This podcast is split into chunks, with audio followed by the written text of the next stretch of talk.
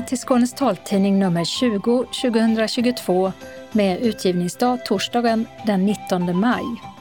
Solen gick upp klockan 4.49 i morse och ner går den 21.19 ikväll. I studion Åsa Kjellman Risi och Dodo Parikas. Tekniker är Martin Holmström. Och det här är innehållet. Allt färre synskadade får LSS-ledsagning. Regeringen ger Socialstyrelsen i uppdrag att utreda varför. Bra, tycker SRF, som ändå inte lutar sig tillbaka för att vänta på resultatet. Synskadad äldre kvinna i Helsingborg förlorade rätten till färdtjänst. Slipp plupparna och låt tvättmaskinen berätta vilket program du väljer. Det var en av nyheterna på årets synmässa. Det ska vara grönt eller flerfärgat, men mjukt som att gå barfota i sanden i vårens skomode. Kristin Hult är pensionerad synpedagog i Malmö med belysningen som en röd tråd i sitt liv. Möt Skånes taltidnings nyaste medarbetare som är den som svarar när du ringer. Öppnat och stängt så med fotvård och djurvård. Evenemangstips med syntolkad katastrofkarneval och grodkonsert. Och kalendern med rockfarfar och rymdfilm. Anslagstavlan med regionala och lokala meddelanden samt ändringar i kollektivtrafiken. Sist kommer redaktionsrutan. Allt färre synskadade får ledsagning enligt LSS, lagen om stöd och service till vissa funktionshindrade. Statistik från Socialstyrelsen visar att bara 855 personer totalt i personkrets 3, alltså den som personer med synnedsättning ingår i, fick ledsagarservice förra året. Och det är en minskning med 65 procent sedan 2010. Socialminister Lena Hallengren har nu gett Socialstyrelsen i uppdrag att analysera varför det har blivit en så kraftig minskning. Tobias Lundin Gärdås är statssekreterare i Socialdepartementet. Jag tänker att, att, eh, att skälet till att vi tillsätter just den här eh, översynen då, eller analysen från, som Socialstyrelsen ska göra är ju för att vi inte har den kunskapen idag. Eh, därför är det svårt för mig att spekulera men det är klart att det finns några olika eh, misstänkta skäl. Det kan bland annat handla om eh, handläggning, om, man, om det blivit en annan tillämpning av regelverket och lagstiftningen. Det kan bero på förändringar i målgruppen och det kan såklart eh, hänga samman med att insatser e ges enligt socialtjänstlagen istället för enligt LSS. Men låt mig vara tydlig, vi behöver veta det här för att kunna agera på det här. Det finns ju en lagstiftning som kommunerna ska hålla sig till, men ändå så är det ju väldigt olika i olika kommuner. Betyder det att vissa kommuner bryter mot lagen? Det, det är ju så i Sverige att vi har ett långtgående kommunalt självstyre där kommunerna är huvudmän och utförare av en väldigt stor del av den svenska välfärden. Det innebär ju i sin tur att det kan finnas skillnader. Och, och, men låt mig vara tydlig med det, lagstiftningen måste ju alltid följas och tillämpas korrekt. Men det är klart att ut, eh, om målgruppen erbjuds andra stödinsatser, om målgruppen så att säga, får, får stöd i andra funktioner i kommunens eh, försorg så kan ju det innebära att, att, att eh, vissa insatser ändå påverkas uppåt eller nedåt beroende på vilket stöd målgruppen får i kommunerna genom andra insatser. Så det är klart att det finns lokala skillnader men låt mig också vara tydlig med att lagstiftning måste alltid följas. Den som har rätt till stöd måste också få stöd. Men är ledsagning enligt socialtjänstlagen att jämställa med LSS-ledsagning så att eh, kommunerna ändå har uppfyllt sin plikt? Alltså det, det, så här, ansöker man om ledsagning enligt LSS så ska man prövas och eh, ens rätt ska bedömas utifrån eh, lagstiftningen där. Men det är klart att eh, insatser enligt socialtjänstlagen har ju vissa andra förutsättningar. Det, innebär ju till exempel om man behöver ledsagning något mindre ofta, då kan insatser enligt SOL vara en insats som man istället då ansöker om. Så så kan det ju vara självfallet. Men låt mig vara tydlig med det. Om man har rätt till ledsagning enligt LSS så ska man också få rätt till ledsagning enligt LSS. Det är därför vi behöver nu analysera varför har antalet som får ledsagning enligt LSS minskat. Har ni tänkt tanken coronapandemi? Ja, coronapandemin har ju såklart självklart påverkat alla verksamheter och inte minst då är det ju sannolikt att ledsagningen skulle påverkats. Men eh, även minskningen enligt LSS har ju pågått under ett flertal år. Då, så att jag skulle ju tro att, att kommunerna hänvisar till, till pandemin. Det kan vara ett svar, men det är nog inte hela svaret. Och Synskadades riksförbund välkomnar att den här analysen ska göras, säger förbundsordförande Niklas Mattsson. Vi har ju försökt att nå fram och få till eh, att ministern ska förstå att det behöver göras något. Och med detta förslag som hon nu lägger, eller detta uppdrag som hon nu ger, så känns det som att vi har nått fram, att vi har, vår argumentation har lyckats och att det som vi gör, ja, det ger effekt. Sen är det klart att bara för att man startar en utredning så, så blir det ju inte bra. Det blir inte bra med en gång. Så att vi kommer självklart fortsätta att eh, kämpa för och argumentera för att synskadade ska ha rätt till ledsagning. Man ska kunna få ledsagning för att göra det där som andra eller som seende gör utan att fundera. Att kunna gå en promenad, att kunna handla sin mat eller köpa sina kläder. Det är en liknande utveckling med färdtjänsten också, att det blir svårare och svårare. Hur ser du i stort på vad som händer för synskadade? Tyvärr har vi ju sett en sådan eh, negativ utveckling att den välfärd eh, vi är vana vid och den välfärd vi tycker att synskadade har rätt till, den har eh, stramats åt och, och beskurits på ett sätt som, som absolut inte är acceptabelt. Och det är därför också som vi har ja, ja, som vi jobbar hårt för att få politiker på egentligen alla nivåer att förstå att det här inte, den här utvecklingen vill vi inte se och vi tror inte att de vill se den heller om de förstår vad som händer. Så det handlar ju för oss om att beskriva vår vardag och vår verklighet för de som kan göra skillnad. Så du tror att eh, politiker och tjänstemän inte riktigt begriper vad det handlar om?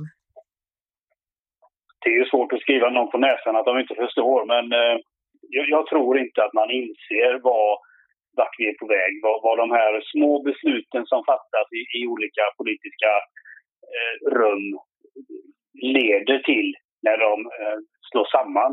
För, för, för oss, alltså att bli av med sin färdtjänst och att samtidigt bli av med sin ledsagning, det leder ju till att man låser in synskadade i sina hem. Det blir husarrest. Och det, jag tror inte att det är det de vill. Men eh, effekten av det som sker i samhället blir ju sådant.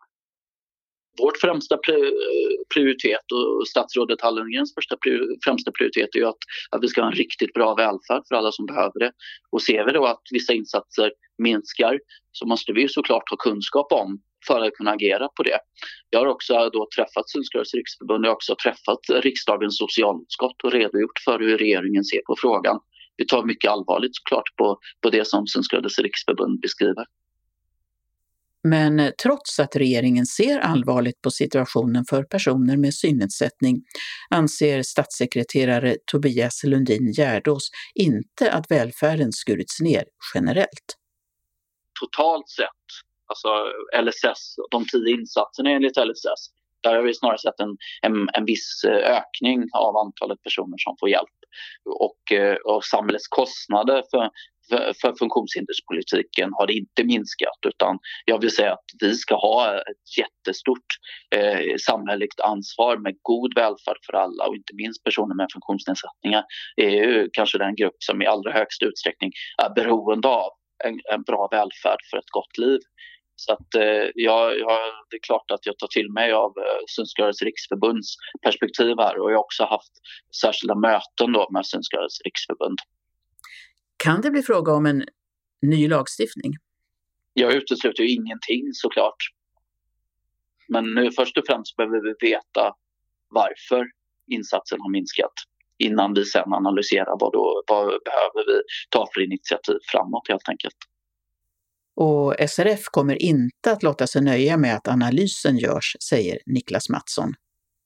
Ja, vi kommer ju att fortsätta att träffa eh, politiker. Min ambition är att försöka träffa alla riksdagspartier för att, och beskriva det här läget och, och förklara eh, hur situationen är. Så att vi, vi, ger inte upp eller vi, vi lutar oss inte tillbaka i och med att det kommer ett sånt här beslut utan vi fortsätter vårt hårda arbete och jag kommer att, och fortsätta och lägga min tid på att eh, beskriva synskadades situation och behov för de som har möjlighet att göra skillnad. Det sa Synskadades riksförbunds ordförande Niklas Mattsson. Vi hörde också Tobias Lundin Gärdås, statssekreterare i socialdepartementet. Och Socialstyrelsen har ett drygt år på sig att göra analysen och komma med förslag på eventuella åtgärder. Det ska vara klart i juni 2023. Reporter var Birgitta Fredén. En 80-årig kvinna i Helsingborg har fått sin rätt till färdtjänst indragen trots kraftigt nedsatt syn och svårigheter att gå, skriver Helsingborgs Dagblad. Hon har haft färdtjänst i nästan tio år och fått förnyat tillstånd efterhand som det gått ut. Men förra våren blev det avslag. Kvinnan överklagade och framförde som skäl sin dåliga syn och balanssvårigheter som gör att hon inte kan åka kollektivt. Hon fick rätt och färdtjänsten tillbaka. Men nu i vår fick hon ett nytt avslag från Skånetrafiken som anser att hon trots sina besvär ska kunna åka kollektivt. Och detta trots att Region Skånes kollektivtrafiknämnd, som vi berättat om i Skånes taltidning tidigare i år beslutade att pausa alla omprövningar av färdtjänsttillstånd och att alla färdtjänsttillstånd som går ut ska förlängas automatiskt i ett år i väntan på att politikerna gör en översyn av reglerna. Titti Unosdotter, affärsområdeschef för serviceresor på Skånetrafiken bekräftar för Helsingborgs Dagblad att utgående färdtjänsttillstånd i år automatiskt ska förlängas och säger citat det ska vi följa. Har vi gjort fel så får vi rätta till det. Punktdisplayer och läskameror, telefoner och tvättmaskiner. Ja, efter två års coronauppehåll har nu föreningen Svensk syn kunnat arrangera synmässor igen för att visa nya och uppdaterade hjälpmedel för personer med synnedsättning. I förra veckan fanns synhjälpmedelsföretagen på plats i Folkets hus i Limhamn i Malmö. Och i några reportage ska vi titta på en del av de nyheter som presenterades. Och vi börjar i tvättstugan tillsammans med Erik Tengvall, försäljningsansvarig på Iris Hjälpmedel. Man byter ut vredet som finns på den befintliga tvättmaskinen och sätter dit ett annat vred. Och då är den programmerad. Där i sitter en talsyntes som talar om vad det är, att det är 30 grader, 40 grader, 60 grader och vad det nu kan vara för någonting som tvättmaskinen har, alla funktioner. Och de kopplat till vilken tvättmaskin som helst? Nej, det kommer det inte göra utan det kommer vara vissa märken, vissa modeller utav de märkena som vi kommer hålla oss till och vilka det blir det är inte klart ännu men att vi har en prototyp här i alla fall som talar om och visar hur det fungerar. Får jag se på den? Ja. Så här har vi en tvättmaskin nu med mm. ett vred. Och då får vi höja volymen lite grann så vrider jag till 40 grader. Bomull 40 grader. Och sen blir det bomull 20 grader. Bomull 20 grader. Eko 40 till 60 grader. Bomull 40 till 60 grader. Och det finns likadant för spis då också sa du? Ja, det gör det. Och den är ju då graderad 1 till 6 till exempel eller så har du ugnen också då som har gradantalet och vilken funktion i ugnen du vill använda. Så det kommer finnas där också. Mm. Är det här någonting som är upphandlat av någon region än eller är det bara den är inte upphandlad och jag tror inte att den kommer bli upphandlad heller utan den här är helt ny. Vi började visa den förra veckan. Det är som sagt inte klart vilka, exakt vilka modeller som kommer vara ännu som man kan använda sig av. Men vi tror på en bostadsanpassning. Det kanske hamnar mer på kommunen. Att man själv bekostar eh, spisen eller tvättmaskinen. Och sen så får man hjälp av kommunen i själva anpassningen med det här vredet som är programmerat och klart. Tror vi att det kommer gå till så. Just nu håller vi på och kollar vilket intresse som finns utav det här och det visar sig att det är ett stort intresse utav allmänheten. Ja, det måste ju vara mer praktiskt än de här plupparna som man sätter på. Ja, och det, det är svårt att märka upp ett. En, en eh, tvättmaskin som har så otroligt många olika steg är ju svårt att veta vad man ska märka upp för någonting. En spis är ju lite lättare kanske, den är numrerad från 1 till 6. Och, och det kommer man ihåg. Då, då, kan man kanske markera upp ett par stycken eller någon i alla fall. Då. Eh, men eh, en tvättmaskin är lite svårare faktiskt. Sen såg jag någonting som en massa eh, skåpsknoppar. Ja, det skulle det kunna vara. Men det är doppskor till eh, käppar. Aha. Som finns i två olika grupper om vi säger så. Det är fasta doppskor och det är rullande doppskor. Och det beror ju då på eh, vilken teknik man har. Om man har pendelteknik eller glidteknik. Eh, och de finns i olika storlekar och olika material. Keramik, olika plaster, aluminium. Eh, och sen givetvis storlekarna på dem också. Eh, om man går mycket ut i snö eller i skogen så kan det underlätta att ha en stor boll som vi kallar snöboll som är en 80-90 centimeter eller millimeter i eh, diameter eh, så man inte fastnar när man är ute och går. Är det den här röda som ser ut som en bandyboll? Jajamän, det stämmer bra det. Och sen är det olika vikter på dem också då. Och eh, det, det, dels är ju vikterna, det beror ju på då, är ihop med materialet eh, vad de sänder för signaler från marken och upp till personer som använder det här. Och sen kan det ju vara så att du har en skada i armen till exempel, att du inte är så stark längre, förslitning. Då behöver du ha en lätt käpp och då ska doppskon vara lätt också. Så allting, allting hänger ihop. Det är en, eh, viktigt med noggrann utprovning. Erik Tengvall på Iris Hjälpmedel visade talande tvättmaskin och doppskor till käppar. Och vi återkommer till synmässan i flera inslag. Reporter var Birgitta Fredén. I vårens modeserie har vi nu kommit ner till skorna.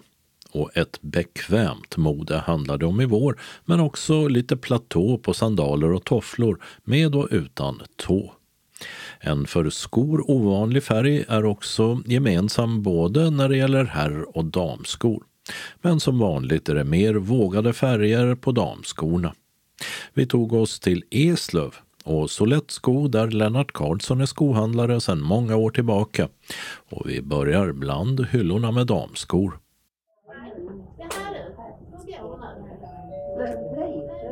Jag har haft skoaffär här i Eslöv sedan 2008. Och här är en ganska stor lokal med massvis av skor, både dam och herrskor. Ja det är det. Vi har inga barnskor men dam och herrskor har vi väl många av de kändaste fabrikaten och märkena. Om du skulle ta mig till ett par skor som är absolut mest populära i vår, vilka är de? Det är ju väldigt mycket sneakers både till dam och herr. Det har det varit länge, har det inte ja, det? Ja, det har varit länge men nu är det som det är inte, inte alls lika mycket pumps som det har varit förut. Liksom. Så när vi var på modevisningen på, på skomässan så var det, ja, det var nästan inga pumps. Det var sneakers till allting nästan. Va? Så det, Ska man gå bort så tar man på sig sneakers då? Ja, nästan så är det. Sen är det väldigt mycket slip-in tofflor då som är lite lyxigare med spännen, guldspännen och och här är ett par skor med en ganska hög sula, en hög vit sula och sen övergår det i en annan sula som är randig. Jajamän, det är också mycket den typen. Det är lite mycket med lite halvplatåer. Det är ju inga höga platåer och de är inte så klumpiga ändå som de var för några år sedan. Då, va?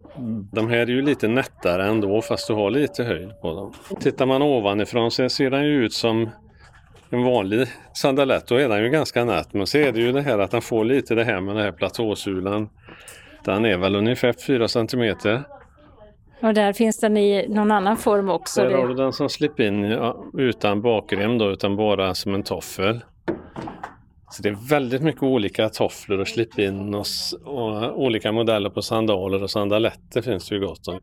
Men här är en sko som är, glittrar om och den har eh, en dragkedja i sidan också, både snören här är det framförallt sulorna på de här. Det heter Rolling Soft och det har blivit en jättesuccé för dem. Så den finns på både på allt från nätskor här, sandaler, skor. På hösten har vi dem i kängor och stövlar. Liksom, va? Så den sulan är väldigt bekväm att gå på. Men om man skulle beskriva den här ja, gympaskoliknande skon. Ja. Den glittrar och har sig och har många olika färger. Jajamän. Och de här görs i massor med olika färger. Va? Vi har ju inte alla hemma då liksom. Va? Men det är väldigt mycket modeller som är snörning på som är dragkedja också. Va? Många är ju rädda för det med snörning och att det ska vara lätt att få på. Men de här ställer man in första gången och sen använder man bara dragkedja. Och fördelen med det när det är snörning, dragkedja, det är ju att skulle foten svullna, då lättar man bara upp lite på snörningen och så snör om den och sen är det bara att använda dragkedjan igen. Men den har då en eh, ljusbrun färg, en beige färg, en guldglittrande brun färg, en svart färg och en mörkbrun färg i en och samma sko. Ja, men den färgerna harmonerar ju rätt bra med varandra i den ändå. Och det ser man på fler skor att, att det är många färger i dem. Lite kombinationer ja. Och sen är den serien med nätskor här. Den säljs jättemycket. Det är mocka och nät då va. Så den är ju luftig och skön och så ligger det ett löstagbart inläggssula i skinn i dem. Så har man inlägg och så så är alla de här modellerna bra för det är löstagbara sulor på allihopa. Så det här var det som var mest poppis för kvinnor då? Ja det kan man säga. Och sen är det mycket sån här äventyrssandaler. Nu kommer ju de i olika färgkombinationer. Förut var ju de nästan bara svarta, beiga och röda men nu är det ju flera modeller som är mixade blandade färger.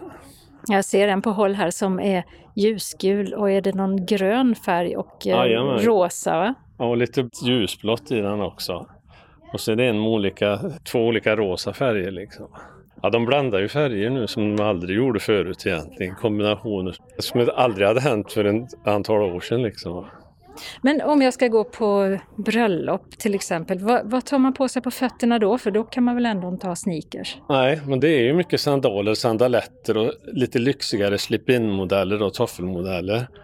Så, Så man kan gå på bröllop i uh, tofflor? Ja, det finns ju liksom sådana som är lite nättare och vi har ju det borta med lite klack och så också om man vill ha det. Sandaletter blir det ju då när det är lite högre klack där. Vad ska männen ha på fötterna? Ja, det är samma där. Det är väldigt mycket sneakers. Det som är nytt är väldigt många modeller som har något som heter memory foam.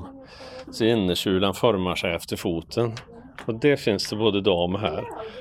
Här är ett märke som är lite dressade. Det är ju lite mitt emellan en vanlig promenadsko och en sportsko men det är ändå sportskokänsla i dem. Va? Sådana modeller är med mycket. Och här är med någon form av eh, mocka och sen är det någon form av nät. Ja, det är det. Och de finns både som lofersmodeller och snömodeller och sen det finns det sån här med snörning, dragkedja då liksom. Va? Men eh, samma färgsprudlande skor ser man inte riktigt eh, nej, på männen. Nej, det är en färg som är med både på damer här rätt mycket. Det är faktiskt olika gröna nyanser. Jag har haft skoaffärer sedan 78 och jag har, det har nog aldrig varit så stort som det är i år. Det har ju kommit någon gång men då har det aldrig blivit stort. Men nu är det faktiskt många modeller som går i grönt.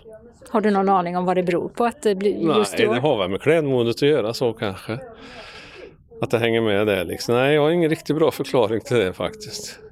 Och skohandlaren själv har något blått på fötterna? Ja, det är sådana här skor. Det känns som det är speciell sula på dessa som är för rygg och knä om man har hallus valgus eller liktorn eller hälsporre och så. Så det känns nu när man går i dessa så känns det nästan som man går barfota i sand. Så vi har en matta här. Jag kan prova om du går på den där känslan så får du när du går med dessa skor. Oj! Det var mjukt. Ja, så det är väldigt mjukt. Det avlastar knä och rygg och höfter så det är, det är ja. faktiskt jättebra. Använder du ofta sådana skor? Ja, det här är nytt för oss. Vi hade i onsdags hade vi en representant från det företaget som var här och vi förevisade dem då. Och igår kom det faktiskt in och det var en ortoped som hade rekommenderat henne för hon hade väldiga problem. Så hon gick ut med ett par och hon provade den länge i affären och hon var jättenöjd. Men är det så att eh, du själv tar på dig skor som ni får in då som är nya för att veta vad du pratar ja, om? Ja, det gör jag ofta. Så grönt och bekvämt ska det vara? Ja, jajamän. ja. Och om man som man ska gå på fest, vad tar man på sig i vår och sommar då? Ja, på här, där är det ju mest eh, konjaksfärgade och, och svarta skor. Så här har vi ju konjak då vet du. Och de är då konjaksfärgade och mörkare i ton? Ja, Den blir mörkare i tån automatiskt när det är det här konjak, naturskinnet liksom. När de gör skon, när de böjer det så blir det mörkare fram och bak. Så det är det på alla de som är äkta natur idag liksom. Där händer det ju inte så mycket på finskorna. Att det här är liksom, där är det ju mer traditionellt. Än till dem kan det ju ändra sig olika klacktyper och kilklack, vanlig klack, pump, sandaletter. Men på här är det ju lite samma år ifrån år egentligen avslutade Lennart Karlsson, skohandlare i Eslöv. Reporter Åsa Kjellman Erisi. Hon har haft glaukom sedan hon föddes, är utbildad arbetsterapeut och har arbetat med hjälpmedel till både synskadade och andra grupper i nästan hela sitt yrkesverksamma liv. Bland annat som synpedagog på den dåvarande synenheten för vuxna i Lund. Och som en röd tråd i hennes verksamhet går belysningens betydelse för den som har en synnedsättning men inte är blind. Idag är månadens ansikte Kristin Hult, pensionär och belysningsfrågorna är fortfarande lika aktuella för henne när vi ses hemma hos henne i Malmö. Och då har jag vita gardiner överallt. Så det har absolut betydelse. Så fort du sätter upp en mörk gardin så avskärmar du ljuset ju. Kom, lägg det här. Och medan Kristin Hults 18-åriga vita och tigerfläckiga katt lägger sig till rätta i hennes knä så berättar hon om barndomsåren i Malmö. Jag är född med glaukom då och mina föräldrar gjorde ju verkligen allt vad de kunde så jag vet ju att vi hade bra belysning och så hemma. Men jag, jag kommer också ihåg att min mamma alltid kom och sa, ja men tänd ljuset liksom. Och att man inte behövde det på samma sätt då. Va? För att det har ju kommit med åren, att jag har jättesvårt att se i mörker och så. Men jag gick ju, på den tiden fanns det ju synklass i Malmö stad för synsvaga barn. Och då hade de synklasser på mellersta första skolan. Jag är född 50 så att eh, jag gick där när jag började tredje klass. Jag gick där i fyra år. Och då, alltså det var ju, var ju ett klassrum som var utrustat med bra ljus i hela taket liksom. Det senaste de kunde få fram då, även någon typ av förstoringskamera. En lärare framförallt som förstod, hon visste, hon hade kunskapen. Specialutbildning alltså. Är katten där igen. Nej, du ska inte ha pepparkakor. Nej, gå ner med dig. Vi var ju tre årskurser i samma klassrum. I dagens skola hade inte det fungerat alltså, för så har vi inte skolan idag. Att man har tre årskurser i samma klass och, och, att man har en lärare i samma klassrum. Alltså det har man ju inte. Jag minns det som, som eh, väldigt bra alltså. Alltså det var då man lärde sig att klara sig med den synen man har. Men du säger synklass. Jag har faktiskt aldrig hört det begreppet. Nej, ja, det hette så. Synklass. Man hade det ett klassrum för årskurs 1 till 3 och ett klassrum för årskurs 4 till 6. Gick du där hela tiden eller var det en specialgrej under vissa delar av mm. veckan? Eller? Nej, jag gick där alltså. Vad jag vet så tror jag inte det fanns förrän jag började i tredje klass. Jag är lite osäker på det när det startade men jag kom dit när jag började tredje klass. Och sen så när jag, när jag blev gick i sexan, alltså då ville jag inte gå kvar där. Va? Då ville jag vara normal. Så att sen gick jag ju i normal, vanlig klass alltså. Och hade hjälpmedel? Nej, alltså jag har ju missat mycket. Jag satt, även om jag satt på första raden så eh, såg man ju inte alltid, men man lär sig att lyssna också. Så att jag, jag klarade det rätt bra alltså ändå jag klarar mig igenom skolan och jag har ju kunnat utbilda mig sen. Men visst har jag missat mycket. Nej, hjälpmedel, det var glasögon alltså. Och förstoringsglas trivdes jag aldrig med, utan det var glasögon. Sen ville jag ju vara normal, alltså när man var tonåring vill man liksom inte. Jag hade ju kompisar som gick eh, på slottisar. här. Så då ville jag också göra det och det gjorde jag. Och det, det gick ju hyfsat alltså, absolut. Men jag tycker ändå jag har fått med mig, det har jag tänkt på många gånger, det är ändå att jag lärde mig acceptera att så här är det. Jag ser så här lite, jag, för det var ju inte så att man blev körd till eh, skolan. Man fick ta sig dit själv med spårvagn liksom och då lär man sig att klara sig alltså. Och mina föräldrar har faktiskt inte varit eh, så överbeskyddande heller. Men hur var det, var det olika grad av synnedsättning hos eleverna i den här synklassen då? Ja, det var ju synsvaga barn för att, att de blinda barnen gick ju på Tomteboda ju. Utan det var ju synsvaga i olika grad ju. Och man pratar väl inte så mycket om, jag tror inte vi visste vad vi hade för någonting utan vi, ja, vi visste att vi, vi fick hålla saker nära och sånt här ju.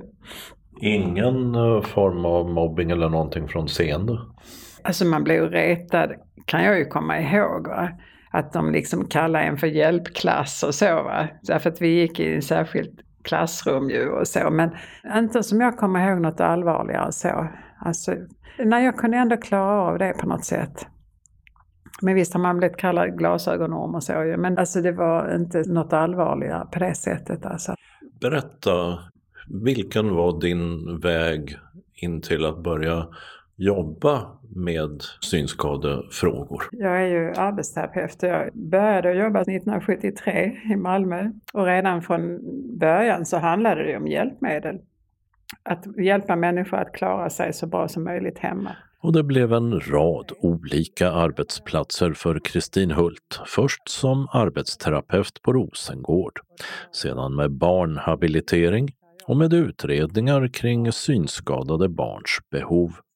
Och så till exempel en tjänst som distriktsarbetsterapeut när områdes och ansvarsindelningen krävde en sådan, för att nu nämna något.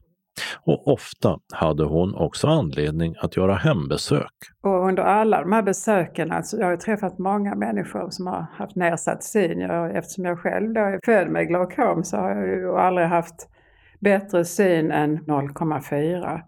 Jag har levt med synproblematiken och eh, det märkte jag att det var många av mina patienter som hade brutit benet och som hade haft en stroke och, ja, och som också hade synproblemen. Så att jag samarbetade, för det var ju på den tiden alltså, redan faktiskt på, jag kommer inte ihåg när syncentralen i Malmö började, men det var, jag tror det var i början på 80-talet. Så att vi samarbetade ju väldigt då, men på den tiden så kunde jag som arbetsterapeut förskriva hjälpmedel till synskadade.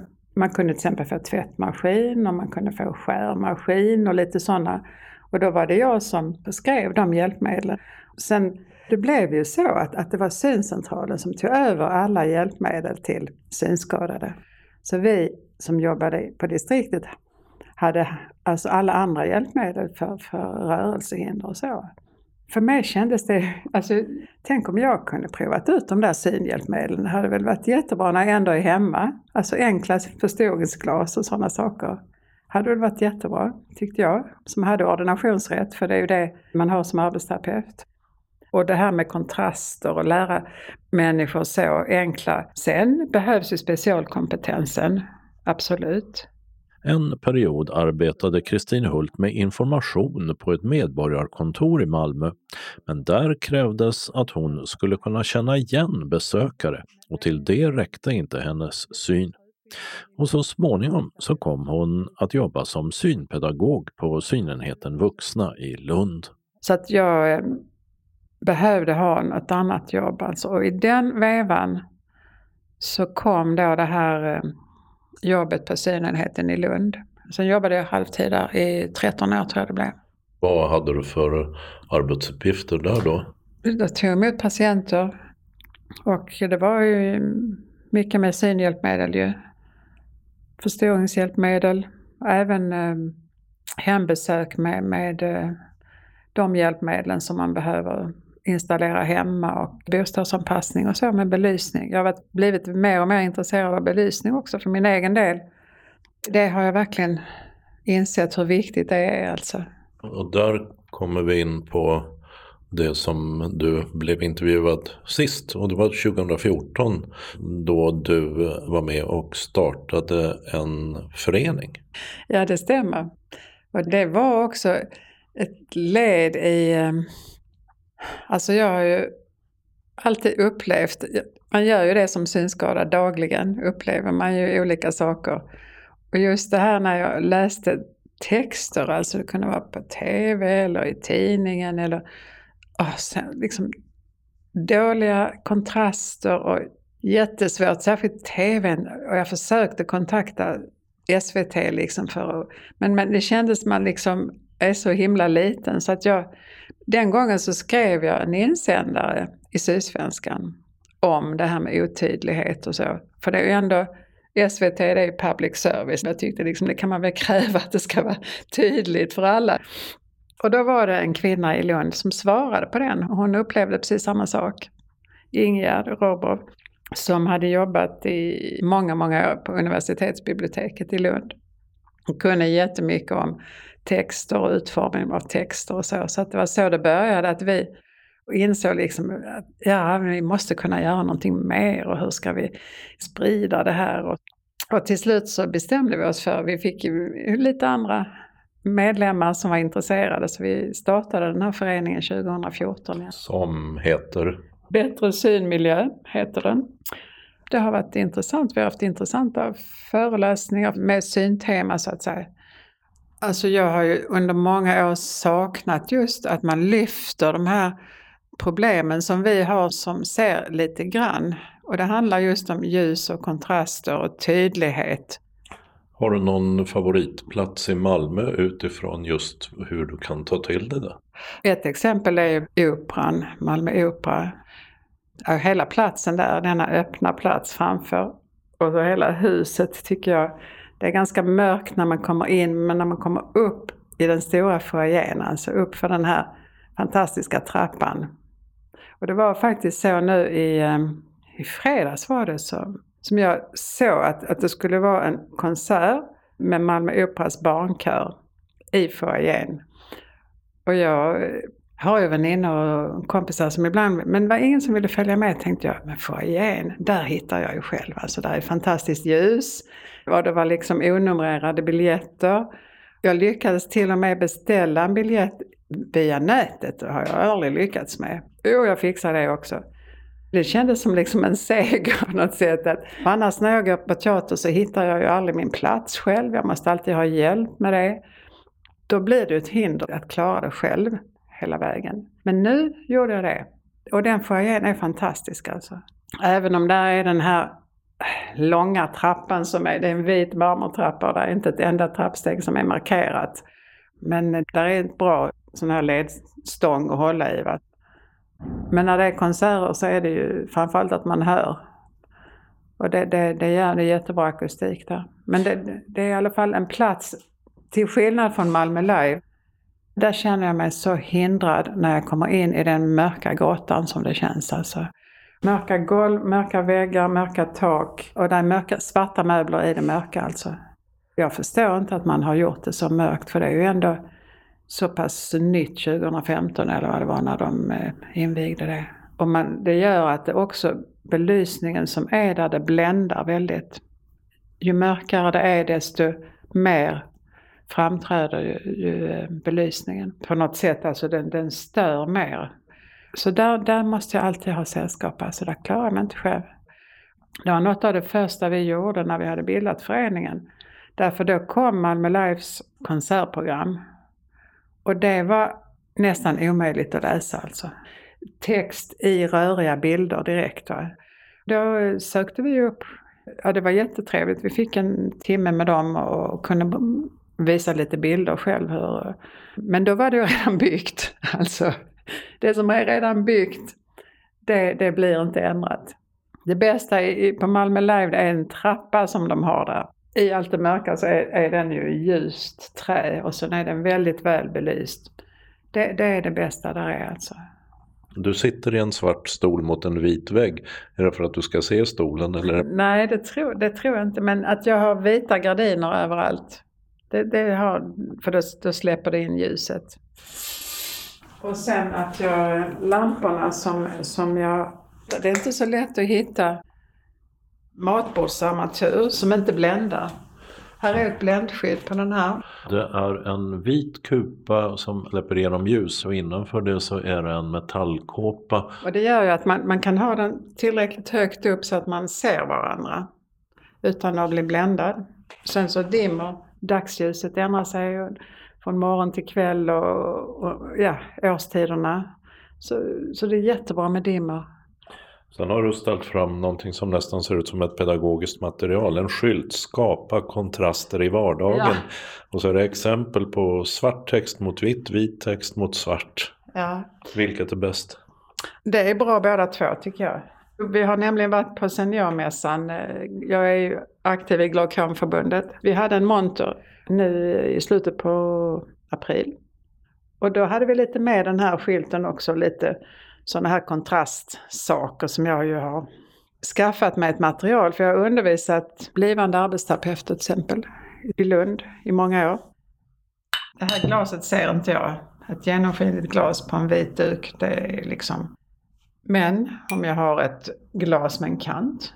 Mörkblå kant. Absolut. Då ser man precis, jag oj, där är det. Eller jag kan ha ett lätt färgat glas också.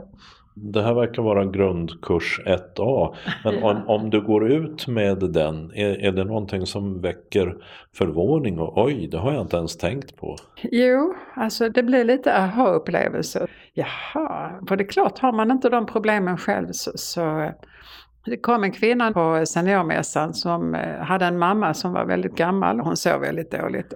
Då hade vi ett bord med, med några av de här sakerna det har jag ju lärt mig under åren att är det en så gammal människa som ser väldigt dåligt så brukar det vara väldigt svårt med hjälpmedel, alltså förstoringsglas. Och man klarar inte att hålla det tillräckligt nära, och man, utan det är ju det här med ljus och kontraster. Så att man hittar sina glasögon till exempel. Och det gör man ju inte på ett mönstrat underlag alltså.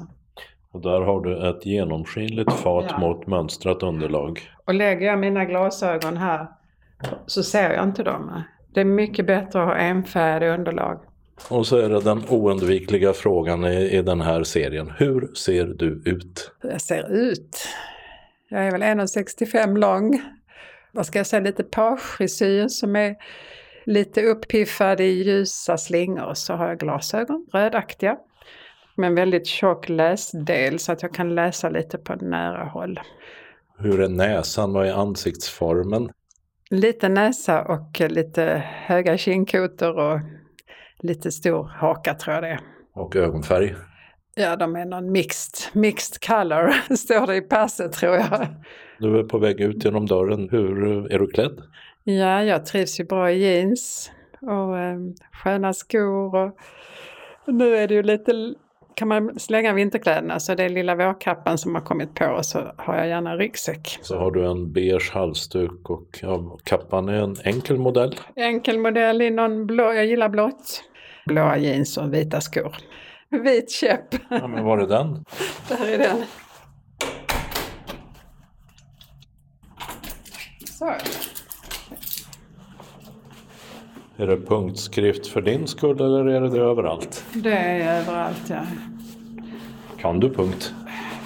Alltså jag har ju inte, jag har ju lärt mig det en gång men jag, alltså man måste använda det för att bli vän med det liksom. Så det, det, det kommer nog en dag när jag behöver göra det men, men än så länge så, men det här är reliefer på hissknapparna, det, det är bra. Så att man känner, känner um, siffrorna. Så att det, det, det frågade jag när vi höll på att byta hissar. Så då, då var det jag som frågade hur det skulle se ut. Och belysningen, det är jag här alltså. När det, här kan ju lamporna gå sönder. Och, och jag, ja, då är det jag som... Och jag har sett till också så att vi har fått ljus där vi bokar tvättstugan. De insåg efter ett tag att det var nog bra för alla. Det sa månadens ansikte Kristin Hult i Malmö. Hon intervjuades av Dodo Parikas. Och föreningen Bättre synmiljö har legat på is under pandemin och ännu inte kommit igång. Nu kan en ny röst svara när man ringer Skånes taltidning. Vår administratör och kanslist Andreas slutar efter två år och förra veckan kom Karla som hans efterträdare med efternamnet Perez de Arce Novitski. Så nu får hon lära sig hur man hanterar prenumerantregister och annat på det lilla kontoret. Jag heter Karla då och eh, ska börja här på Skånes taltidning som eh, ny kanslist och administratör. Och blir då den nya rösten som svarar på telefon. Ja, svarar på era frågor om jag kan och eh, lägger till eller ändrar i registret vid behov. Mm. Och vem är då Karla? Eh, jag är ehm, ursprungligen eh, socionomutbildad och har ja, lite till och från studerat då, tagit lite universitetskurser och så inom kriminologi och mångfaldsstudier.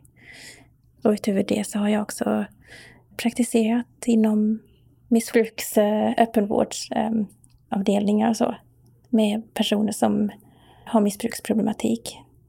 Um, och jobbat inom också inom uh, ätstörningsbehandling utomlands. Och under en tid som arbetssökande så blev jag kontaktad och tillfrågad om jag var intresserad av tjänsten som, uh, som kanslist. Socionom, uh, missbruksvård, det låter som du är intresserad av människor. Absolut, jag är väldigt intresserad av människor. Eh, tycker väldigt mycket om att lyssna eh, och eh, samtala, lyssna in på samtal. Och, så, så att jag är väldigt öppen och nyfiken på läsarnas frågor och ja, vad det nu kan vara. Så jag kommer verkligen eh, se fram emot era samtal. Då kan vi säga det då att här på Skånes taltidning så är det inte en nackdel att inte se. Eh, och det gör inte Andreas som du ersätter och det gör inte du heller. Hur mycket ser du? Eller lite? Jag är helt blind och eh, har varit eh, blind sedan födseln. Så att, eh, ja, jag är van både datoranvändare och hjälpmedelsanvändare och så. Mm. Minnesgoda lyssnare kan eh, kanske hört din röst i Skånes taltidning för länge sedan, 2004. Mm. Berätta du, vad var det det handlade om då? Det stämmer. Då intervjuades jag om eh, en poesibok, eller ett poesihäfte som jag hade skrivit inför en eh, inför insamling eller fondinsamling till en eh, resa för en poesikonferens i Philadelphia i USA. Och den, den intervju gjordes då det året och där jag berättade om dikter och hur det är att vara blind men också under den tiden som det gällde då att också ha en ätstörning. Um, vilket jag nu är frisk från då. Um, så att uh, livet kan ta många vändningar. mm, mm. Poesin, finns den kvar? Den finns kvar lite då och då uh, när andan faller in och ja, och nu är de mycket mer positiva än vad de var tidigare och eh, öppna för livet och ja, så att eh, absolut, skrivandet finns kvar. Mm. Vi är inne på kanslistens rum där Andreas Vidén som det hette, eh, nu har du bytt efternamn och du ska sluta. Yes. Av ungefär den anledningen att du har bytt namn. Ja, varför? Du får berätta själv. Det kan man väl säga. Ja, jag har ju gift mig och ska flytta utomlands. Så ska jag bo tillsammans med min man i England. Mm. och här visar du Karla precis allt du kan. Hur går det?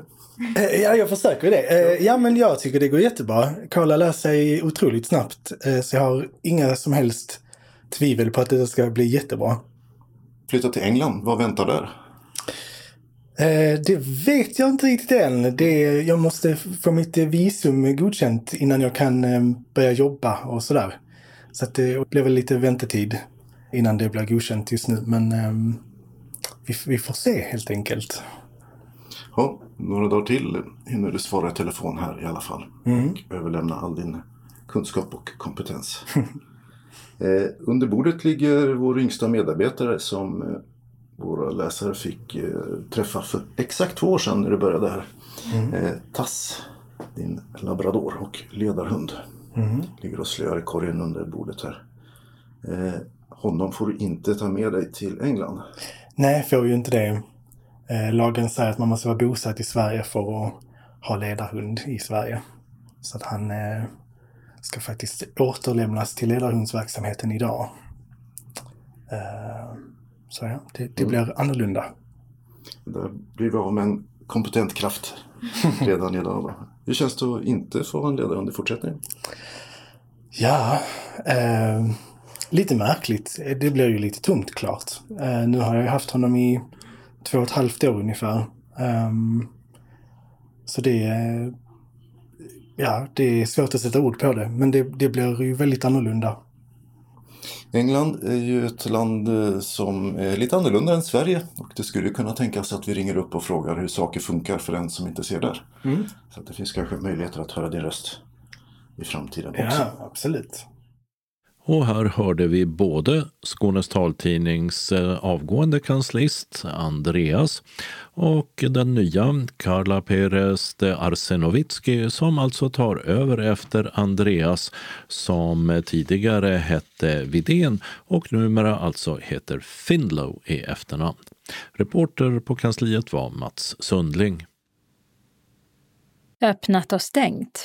Knislinge har fått en veterinärklinik. Den heter Lejonets veterinärer och ligger i den gamla skofabriken, där även andra verksamheter huserar. Adressen är Lejongatan 10. I Tolånga, precis utanför Sjöbo, har Tålånga fotvård öppnat på adressen Stora Tolångavägen 196-6. Här erbjuds både medicinsk fotvård men också pedikyr och hembesök för den som vill ha det.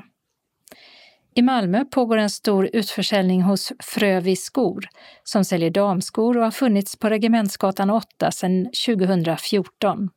Affären i Malmö ska sedan stänga.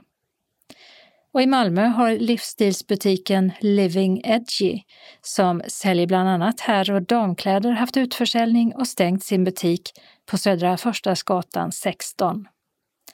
I Ystad har fritidsparken vid Bollhusgatan återinvigts efter en större ombyggnation. Parken har fått bättre belysning, ett utomhusgym och nya perennplanteringar bland annat. I Höganäs har Svenska kyrkans loppmarknad, Loppan, lämnat sina lokaler på Köpmansgatan 21 och flyttat till SE-bankens före detta kontor på Storgatan 63 Öppet är det vardagar 10 till 18 och lördagar 10 till 14. På Körröd i Höganäs har kaféet öppnat igen med nya ägare. Här serveras bland annat fika, smörrebröd och hemlagad mat. På sikt planeras även tårtbak på beställning. Adress Gärdesgatan 9. I Baskemölla och Körnedala konsthall har en ny verksamhet av det mer matiga slaget flyttat in. Byvägen Körnedala. Här serveras vegetarisk och vegansk mat som till exempel tapas och napolitansk surdegspizza. Tanken är att besökarna både ska kunna titta på konst och äta en bit mat under besöket. Nu har man öppet fredag till söndag, men i slutet av maj blir det utökade öppettider. Evenemangstips mellan fredag den 20 och söndag den 22 maj är det Lundakarneval, eller katastrofkarneval som den kallas denna gång. Och en del av evenemangen syntolkas. De bokas via syntolkning.nu. Karnevalståget går 21 och 22 maj och stora delar av centrala Lund stängs då av för buss och biltrafik mellan 11 och 16. Oavsett väder så syntolkas karnevalståget vid Biskopshuset i Lundagård bägge dagarna mellan 13.00 och ungefär 15.30. De eh, vanliga evenemangsbiljetterna har gått som smör i solsken men när dessa tips läses in finns spexbiljetter till 22 maj 21.00 och kabarébiljetter till 22 klockan 21.30 och 22.30. Cirkusbiljetter finns till alla dagar varje hel timme mellan 15.00 och 22.00 med en extra föreställning 23.00 den 21. Och det är söndagsföreställningen klockan 20 som syntolkas. Biljettbokning till övriga evenemang sker via hemsidan ticket.lundakarnevalen.se. Och priset per föreställning är då 110 kronor för den som är student eller under 18 och 170 kronor till fullpris. Inträdesbiljett till Lundagård, där det finns flera scener med uppträdanden, till exempel Måns Zelmerlöw på stora scen 20 maj 19.00, kostar 80 kronor per dag eller 250 kronor för tre dagar. Ledsagare med ledsagarintyg kommer in gratis till de avgiftsbelagda arrangemangen tillsammans med den som ledsagas. Mejla Wilhelm akerman lundakarnevalen.lu.se för att boka ledsagarbiljett. Öppettiderna i Lundagård är 12.00 till midnatt alla dagar och den första timmen på fredagen är det fri entré för alla. Och så visas en film, Sandgatan 2, som syntolkas på Palestra i Lundagård fredagen den 20 16.00 till 16.45 och lördag 18.00 till 18.45. Handling efter att AF-borgen sprängts i luften har nya verksamheter köpt in sig, däribland hundmatsfabriken Hundagård. Och karnevalens hemsida återfinns på lundakarnevalen.se. Vi har tidigare berättat om några programpunkter under Kulturnatten i Kristianstad den 20 maj. Men faktum är att det här är en kulturnatt som varar två dagar och kvällar, alltså även lördag den 21 maj. Så vi tar några programpunkter även från den dagen. 14.00 till 15.00 på Regionmuseet vid Stora torg. Mat i forntiden och framtiden. En arkeolog och en måltidsvetare samtalar om matvanor. 19.00 till 20.00 Backyard Babies Unplugged med Nicke Borg på Biljardkompaniet Lastageplatsen 5. Samma klockslag, alltså 19.00 till 20.00, så sjunger Kristianstads motettkör Vår och sommarfavoriter och det gör de i Östermalmskyrkan, Lasarettsboulevarden 6. 19.30 till 19.45 uppträder Lobos med låtar på svenska, spanska, engelska och arabiska på utescenen som är placerad i Kulturkvarterets grönområde. 20.00 till 21.00 spelar Kristianstads storband på Stora torg.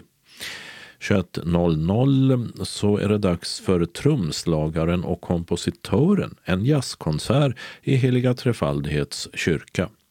Och mellan 22.00 och 23.00 så framförs Händels fyrverkerimusik på Stora torg av Stadsmusikkåren. Och alltihopa är alldeles gratis.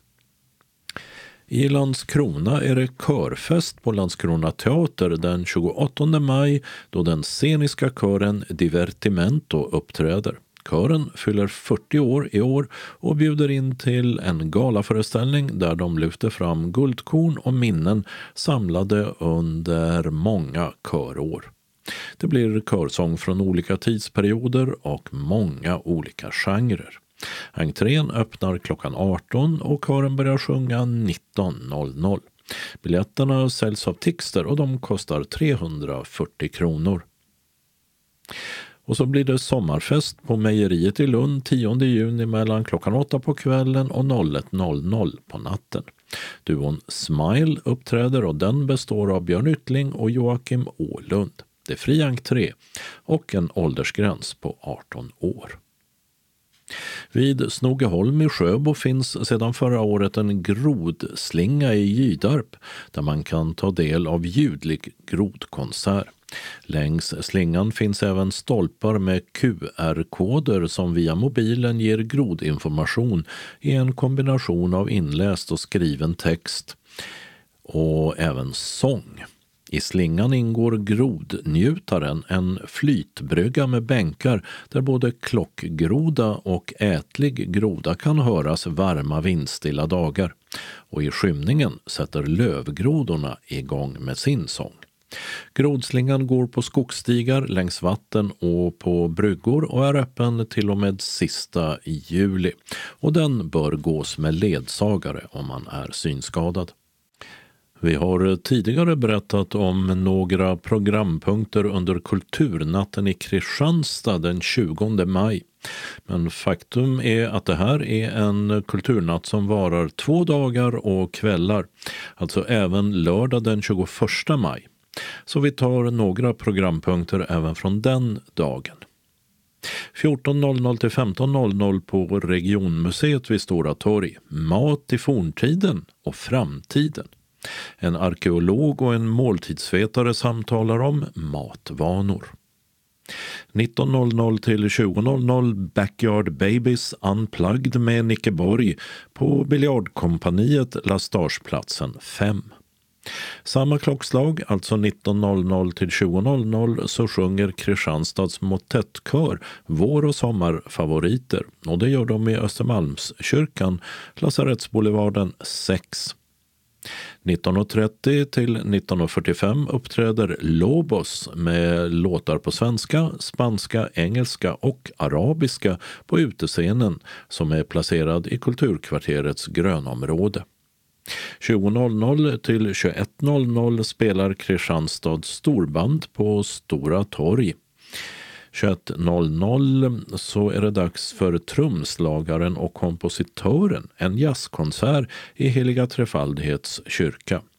Och mellan 22.00 och 23.00 så framförs Händels fyrverkerimusik på Stora torg av Stadsmusikkåren. Och alltihopa är alldeles gratis.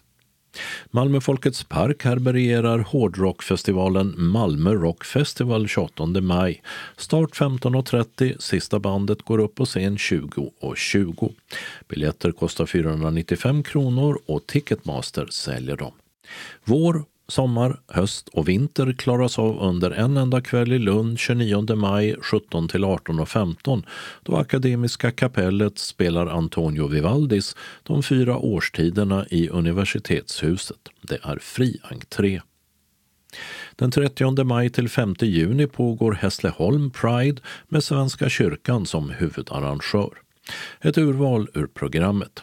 31 maj 18.30 i Hässleholms församlingshus Mikael i kjol.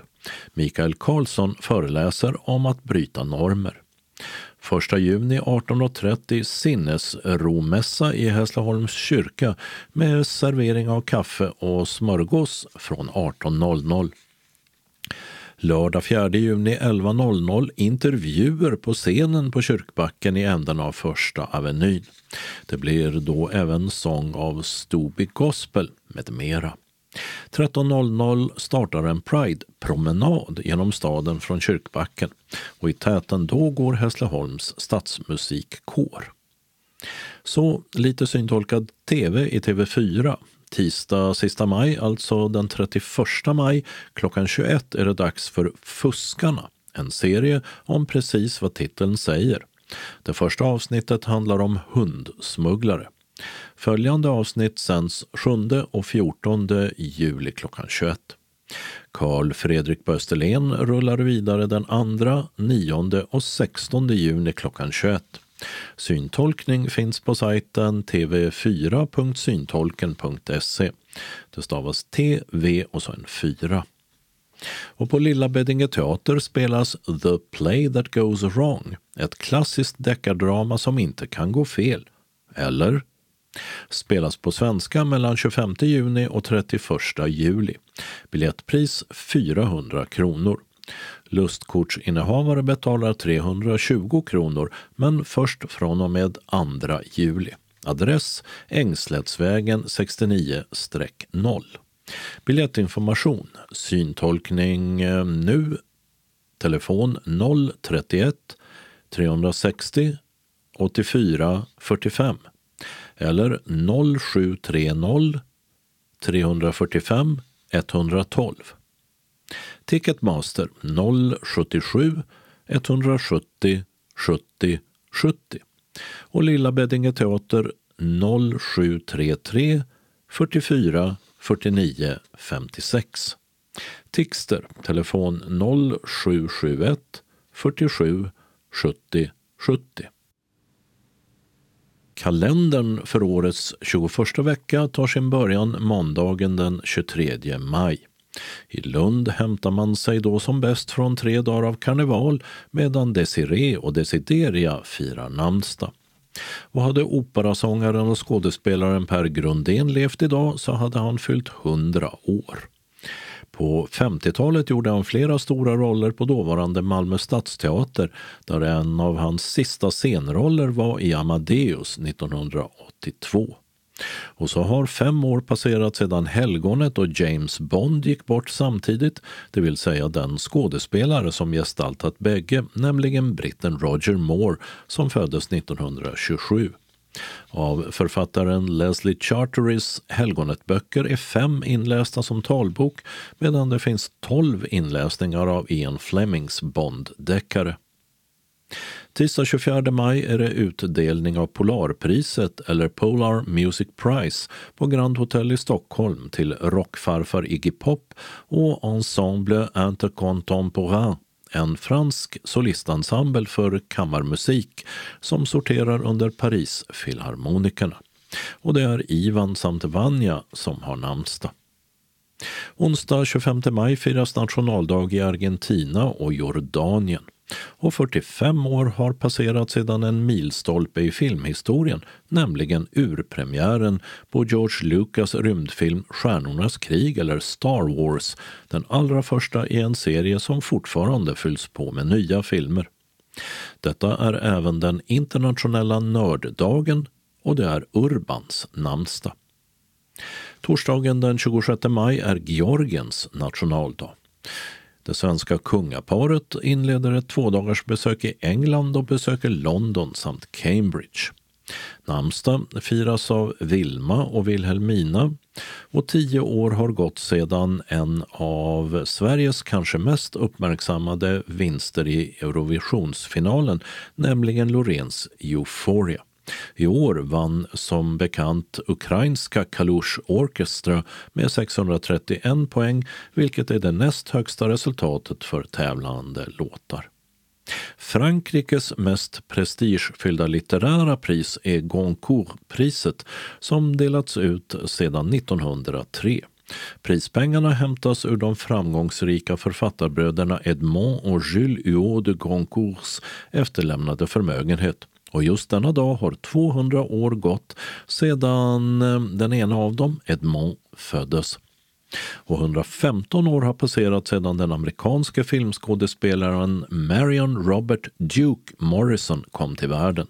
Mer känd var han under sitt artistnamn John Wayne, stjärna i ett otal västern och krigsfilmer för att nämna något. Wayne gick bort 1979. Fredag 27 maj är Bländas och Bedas namnsdag. Och 1907, alltså för 125 år sedan, föddes Rachel Carson, uppmärksammad amerikansk biolog och författare. Hennes bok Tyst vår, som kom 1963, blev en verklig väckarklocka när det gäller användningen av miljögifter som påverkar djur och natur. Boken finns inläst som talbok. Lördagen den 28 maj har Ingeborg och Borghild namnsdag och det är Uefa Champions League-final i herrfotboll mellan Liverpool och Real Madrid. Matchen skulle ha spelats i Sankt Petersburg men är om naturliga skäl flyttat till Stade de France i Saint-Denis utanför Paris. Och för 35 år sedan landade den västtyske ensamflygaren Mattias Rust in till Röda torget i Moskva, oklart varför egentligen. Efter ett halvår släppte Sovjetledaren Mikhail Gorbatjov honom. Och söndag 29 maj tar veckan slut samtidigt som det är mors dag, hemvärnets dag och den militära veterandagen. Namnsdag firas av Yvonne samt Jeanette. Den regionala anslagstavlan börjar med ett meddelande från Skånes taltidnings kansli. Kom ihåg att meddela oss om du ändrar adress. Vi får inga automatiska meddelanden från folkbokföringen och om du inte hör av dig till oss så får du ingen CD-tidning när eftersändningen upphört. Tänk också på att meddela oss ditt mobilnummer om du stänger av din fasta telefon, om du vill att vi ska kunna nå dig per telefon. Skånes taltidningskansli har telefonnummer 040-673 0970 eller så e-postar du till Skanes taltidning skane.se. SRF Skåne bjuder in till en segeltur på Öresund. Samlas gör man klockan 10 lördagen den 11 juni utanför Helsingborgs Yacht Clubs lokal i Norra hamnen i Helsingborg. Adressen är Parapeten 6. Och båtägare från klubben tar oss med ut på sundet i sina 33 fot eller 10 meter långa segelbåtar. Först får man information om båtarna och om rutten på sundet och de viktiga livvästarna delas ut. Och tänk på att det kan vara lite krångligt ibland att ta sig ombord på en segelbåt så man bör ha hyfsat bra balans. Efter segelturen är man hungrig och då är vi på plats där det vimlar av restauranger. Vi kommer att välja ut ett lämpligt matställe att stilla hungern på. Har man en allergi eller specialkost så ska man skriva det i anmälan. Priset är 300 kronor för medlemmar, barn 0 till 6 år gratis, 7 till 12 år halv kostnad. Och för de som vill delta som ej är medlemmar så blir det faktiskt pris. Du kan betala till bankgiro 484-0989 eller med swish på nummer 123 312 6299. Och glöm inte att skriva namn och segeltur på Öresund. Vill du ha en inbetalningsavi så säg till. SRF Skåne står för resekostnader efter att kvitton inkommit, senast tre månader efteråt samt endast inom Skåne. Bor du utanför Skåne så betalar SRF Skåne endast för kostnaden från länsgränsen. Sista anmälningsdag är den 27 maj till SRF Skåne på telefon 040 777 75 eller e-post srfskane srfskane.se. Genom att anmäla er så godkänner ni att ert namn står med på deltagarförteckningen. Mer information kommer tillsammans med bekräftelsen på din anmälan och där kommer även tid för hemresa att finnas med. Det är begränsat antal platser så det är först till kvarn som gäller. Om du undrar över något kan du ringa eller mejla till Bjarne Kristensen 0705 184 017 eller mejl brosengard55 outlook.com och Brosengard stavas med två A i mitten. Välkommen hälsar AG Kultur och Fritid. Och den lokala anslagstavlan som denna gång omfattar hela Skåne börjar med ett meddelande från SRF Malmö Svedala om aktiviteter under vecka 21. Välkomna till SRF Malmö Svedalas dagverksamhet. Vi serverar kaffe och smörgås eller kaka till en kostnad av 10 kronor. Vi vill att alla anmäler sig till kansliet, telefon 040 25 05 40 om man tänker komma på någon av dagaktiviteterna, senast klockan 10 samma dag som aktiviteten. Känner man sig sjuk så stannar man hemma. Måndagen den 23 maj klockan 13 till 15, då är det tidningsläsning och eller frågesport. Tisdagen den 24 maj klockan 13 till 15 och 15 är det bingo. SRF Västra Skåne hälsar att kansliet kommer att vara stängt från och med onsdagen den 25 maj till söndagen den 29 maj. Maria och Monica önskar alla en trevlig Kristi himmelfärdshelg. Och SRF Ängelholm Båstad hälsar att vårens sista öppna hus görs till en medlemsträff. Så onsdagen den 25 maj så åker vi buss till Heagården för lite grillad korv, underhållning och kaffe med fika. Bussen kommer att avgå 13.30 från Torgträffen, Gasverksgatan 25 i Ängelholm och beräknas vara hemma vid 16.30 till 17. Eftersom vi ska åka buss behöver vi anmälan som du gör till Marianne. Mailadress Marianne Jonsson 95 gmail.com eller telefon 070-710 45 79. Anmälan senast fredagen den 20 maj, då det är absolut sista dagen. Aktiviteten är kostnadsfri. Och vi har några ändringar i busstrafiken och vi börjar med Ystad och Tegnérgatan där ett vägarbete som redan är igång påverkar linje 307 fram till den 30 juni. Eftersom en del av Tegnérgatan stängs av stängs också hållplats Västervångsskolan läge A. Istället får de som ska åka ta sig till hållplats Erik Dahlbergsgatan läge A och B cirka 250 meter i sydvästlig riktning på Malmövägen. På grund av att hållplatsen byggs om så stängs hållplats Nöbbelövsvägen i Lund. Arbetet är uppdelat i två etapper där läge A stängs i etapp 1 som redan påbörjats och håller på fram till den 20 maj klockan 16. Resenärer hänvisas till en tillfällig hållplats, läge X, cirka 200 meter norrut motsatt bussens färdriktning på Jägaregatan. Etapp 2 börjar den 23 maj klockan 7 på morgonen och då stängs hållplats Nöbbelövsvägen läge B. Resenärerna hänvisas till en tillfällig hållplats, läge Y, cirka 250 meter norrut, framåt i bussens färdriktning på Jägaregatan. Ett annat vägarbete i Lund på Fågelhundsvägen gör att linje 3 har fått ny körväg och hållplatser stängts tillfälligt fram till den 11 juni. Hållplats Lund-Hubertus, läge B, stängs. Resenärerna hänvisas till Hubertusparken. Avstigande resenärer hänvisas till hållplats Hubertusparken, läge A, som blir ny ändhållplats för linje 3 mot Nöbbelöv. Hållplats Lund-Hubertusparken, läge B, stängs. Avstigande resenärer går av på Hubertusparken, läge A, som är ny ändhållplats för linje 3 mot Nöbbelöv. I Helsingborg påverkas också busstrafiken på linje 1 och 2 på grund av ett hållplatsarbete på hållplats Gåsebäck läge A och B på Södergattsviadukten som tillfälligt stängts och ska vara så till den 25 maj klockan 16. Resenärerna hänvisas till hållplats Öresundsgatan läge B, cirka 900 meter bakåt motsatt bussens färdriktning på Planteringsvägen. Även Gåsebäck läge B stängs och där får de som reser med bussen istället gå 900 meter framåt i bussens färdriktning på Planteringsvägen till läge A på Öresundsgatan. Ett VA-arbete är redan igång på Citadellsvägen och Skeppsgatan i Malmö och påverkar resenärerna på linje 7 och 8 fram till den 3 juni. Hållplatser som tillfälligt stängs är Tekniska museet läge A.